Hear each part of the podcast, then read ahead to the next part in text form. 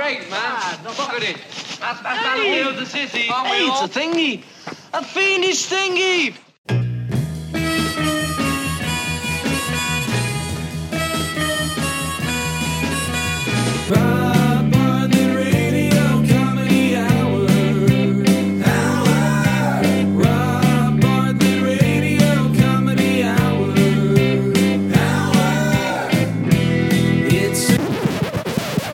Interrupt this program to bring you a special report. We're not going there. We just put it round we're going there. Just so everybody would think we were going there. Where are we going then? Never you mind.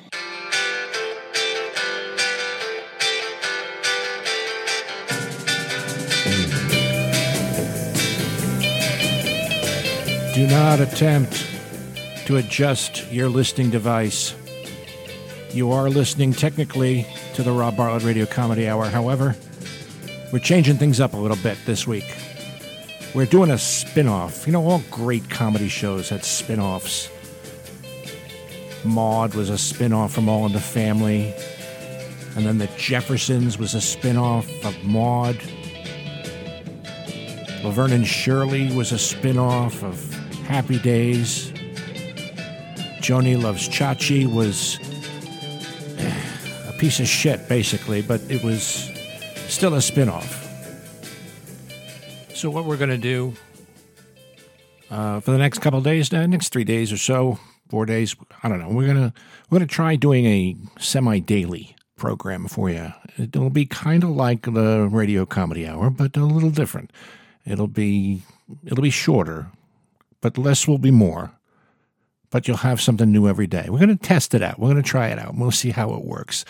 It won't mean that the Rob Bartlett Radio Comedy Hour is over. We will return to the Rob Bartlett Radio Comedy Hour next Thursday in all its glory, the show you've come to know and love. But now we want to see how this works, and we want you guys to to let us know. Like, uh, send us an email at Robbio Radio Comedy Hour at gmail.com and tell us whether you like this new spin off show, which we are going to call A Fiendish Thingy! And it will be available over the next couple of days. This is part one, and then we'll have the second one will be available tomorrow, and then the third one will be available on Friday. And we're going to see how that works out for you guys.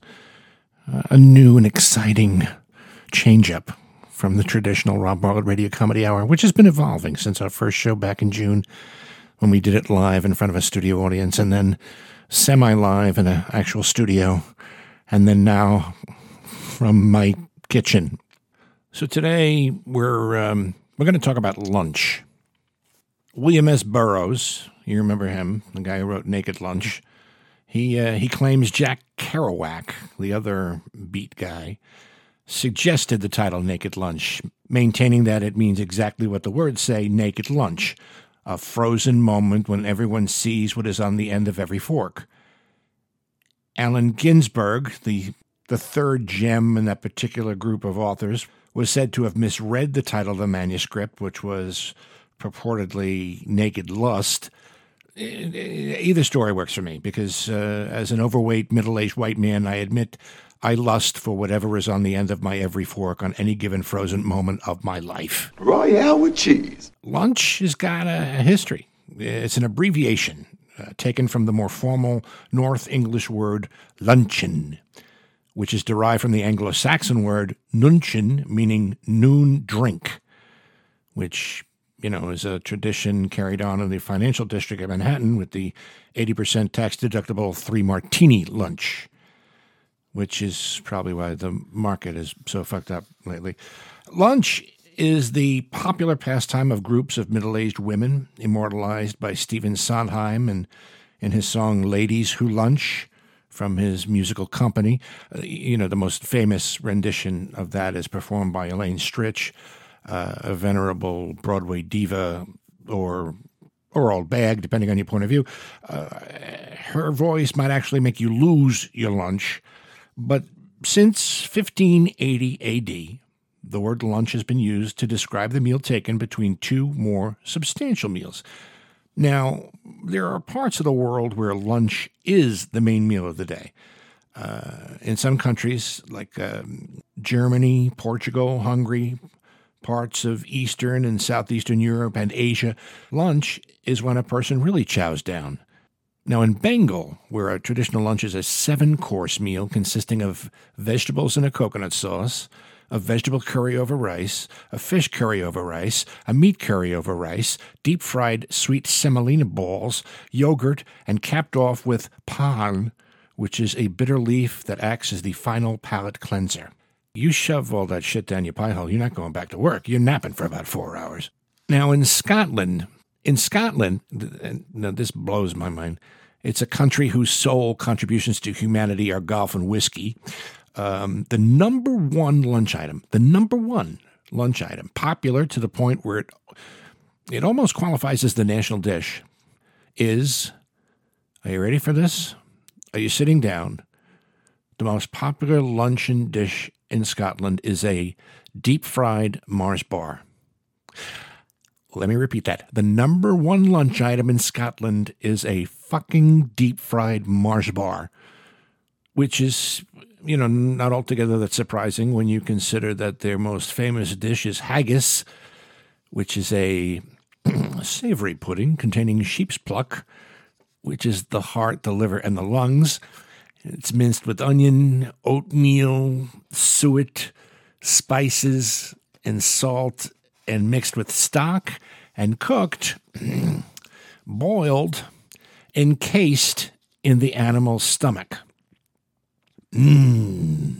You mind if I have some of your tasty beverage to wash this down? It's, it's my contention that this is why they began distilling scotch in the first place, because you got to be pretty fucking drunk to eat that shit. But here in North America, lunch is a moderate meal. You know, it's generally consumed between 11 a.m. and 2 p.m., depending on your hours. Uh, a quick meal, usually, if not taken at a restaurant or office cafeteria or food cart, you bring it from home and you eat it at your desk.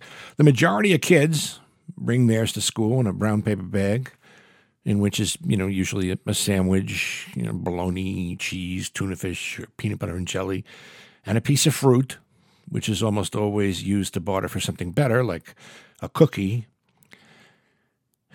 my mother used to habitually pack me a smoked turkey on white bread with mayo. Not exactly barterable, especially because it looked like a sliced raw baby sandwich. Although I think raw sliced baby would probably taste a shit ton better than that anemic, light pink colored processed mystery meat. I know it was supposed to be turkey, but if it was, I'd bet my next lunch check it was from the neck. Now, at least in this country, lunch is really only one of three meals between breakfast and dinner. Uh, one is brunch. It's a hybrid of late breakfast and early lunch, you know, hence the compound name. It's almost always served on weekends and involves standard morning fare, you know, eggs, bacon, pancakes, waffles, and it's combined with menu items that are usually reserved for later in the day various carved meats and seafood items from the raw bar and pasta and I mean, it's obviously just an excuse to justify day drinking, which is the only reason anybody ever goes to brunch. Bloody Marys and mimosas, they're not drink drinks, they're based on breakfast juices. Now, the second meal between breakfast and dinner is the early bird special. Now, there should be an asterisk alongside that phrase, as in reality, it's actually a dinner, albeit one that's eaten not more than an hour after three o'clock. The early bird special is not just a meal, boys and girls, it's a phenomenon because one, it's usually only found in areas located in warmer climes. Two, it's generally only available at mass market chain restaurants known for being open 24 hours a day and feature menu items with cute names like Moon Over My Hammy. And Three, the demographic of those who partake in it is traditionally one that resides in retirement communities. Men wearing green polyester pants hiked up to their nipples, and women sporting Angora sweaters draped around their slight bony shoulders. There appears to be no person over the age of 62 who can resist the temptation of pot roast and gravy, mashed potatoes and creamed corn, with a choice of super salad, coffee or soft drink, and dessert of the day, even if it means they have to take it between 2:59 and 3:59 and they've just finished lunch at 2. But at whatever time and whatever form it's embraced, lunch is the magical meal that is universally adored. It's a culinary gift from God. No matter the country, the culture, or creed, the siren call of the break in the middle of the day to consume sustenance to keep us going until the last school bell rings or we punch out on the time clock is anticipated with great eagerness. It's my dream, boys and girls, that the world can finally find peace through the common ground in the delightfully diverse meal that ultimately unites us all. Two all beef patties, special sauce, lettuce, cheese, pickles, onions, and a sesame seed bun. Every part of the country seems to have a a dish that is generally germane to that area. In Pittsburgh, you have the, the Primanti sandwich, you know, ham, turkey, uh, roast beef, whatever it is. And then they put coleslaw on it and a handful of french fries. That's germane to Pittsburgh.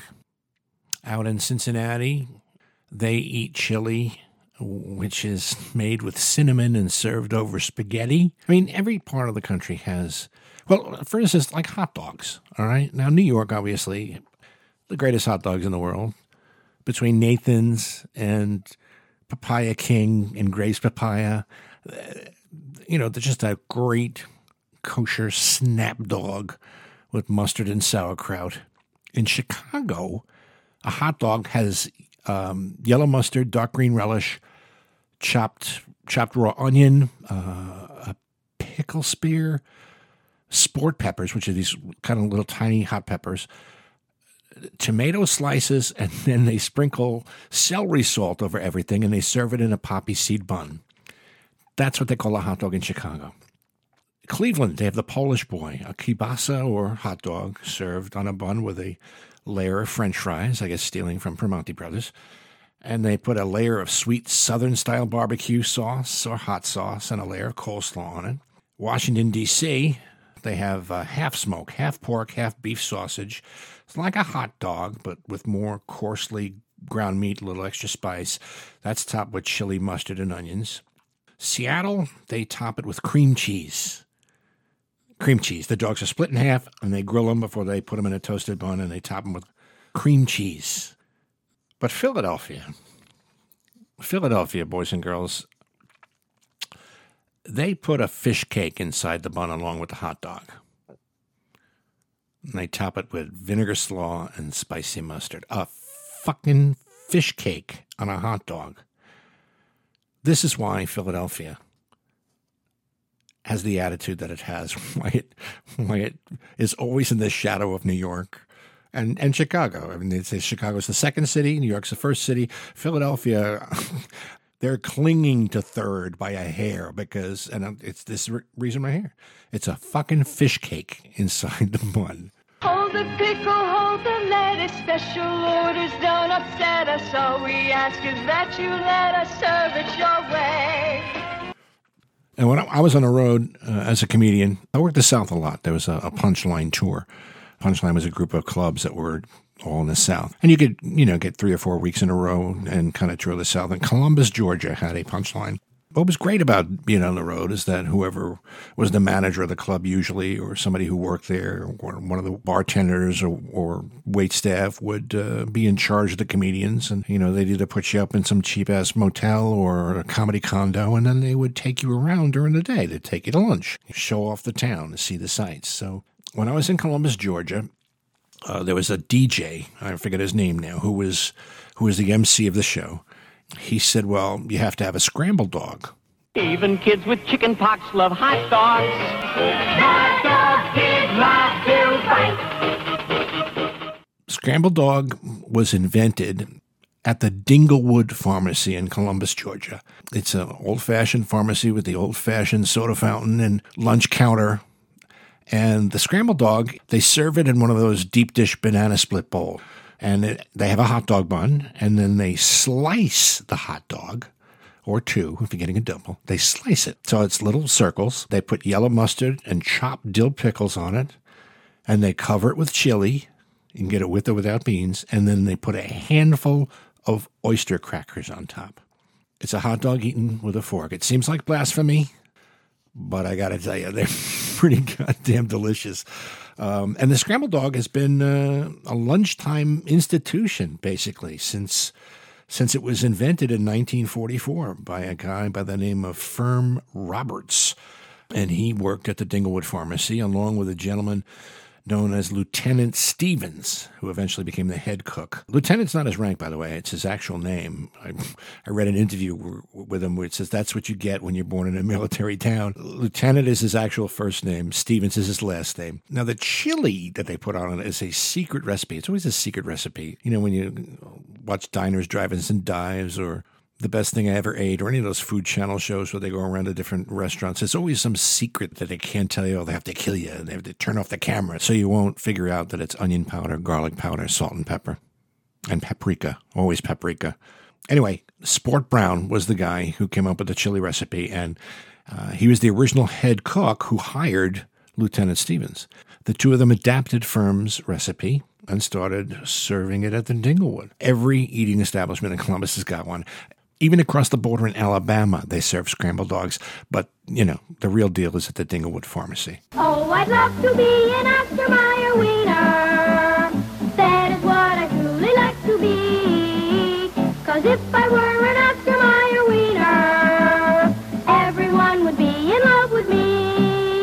One time there was apparently a girl from Columbus who was marrying an Italian guy in Italy, and she told him about the dogs and the chili, and they, they froze a bunch of it and shipped it over there for their wedding. It's more than a lunch, boys and girls. It's it's an institution. It's a part of our American history. The scrambled dog from Dinglewood Pharmacy. And if they're going to ship it to Italy, they might as well ship it to you. So I would check it out if I were you. It's definitely worth it. Um, well, that about does it for our very first fiendish thingy. Check back tomorrow and we'll have another one for you. And then on Friday, there'll be still yet another. And then let us know what you think about this as a spin off, uh, an ancillary program to the Rob Bartlett Radio Comedy Hour, which will be back in its normal form next Thursday. It'll drop on Thursday as it normally does. So, But let us know. Uh, email us at Robbio Radio Comedy Hour at gmail.com. Tell us what you think. And don't forget, Amazon Prime, Amazon.com, The Ruthless Spectator Presents is available on DVD. And Father's Day's coming up, and what better gift for dad than the gift of laughter? Um, it's three episodes. It's a group of folks, most of them who were in the original incarnation of the Comedy Hour at the very beginning. Um, and they, they joined us for the Ruthless Spectator sketches. So check that out. And also remember, Billy J. Kramer and I will be on the road together this summer doing a bunch of dates in a little show that we call Do You Want to Know a Secret, uh, which is uh, music and some great stories about uh, the British invasion and the time in Liverpool with the Beatles, and uh, funny comedy from me. So it's a, it's a great little package. So be on the lookout for that. If you want to get more info, check out our Twitter uh, at the Robbio and also the Rob Bartlett Radio Comedy Hour Facebook page available for your informational needs. Also, check out uh, Robbio007 on Instagram. All these ways are available to you to find out what is new and exciting in the world of the Robbio. Thanks for listening. Thanks for downloading. Thanks for supporting. Thanks for subscribing. We'll see you tomorrow, boys and girls.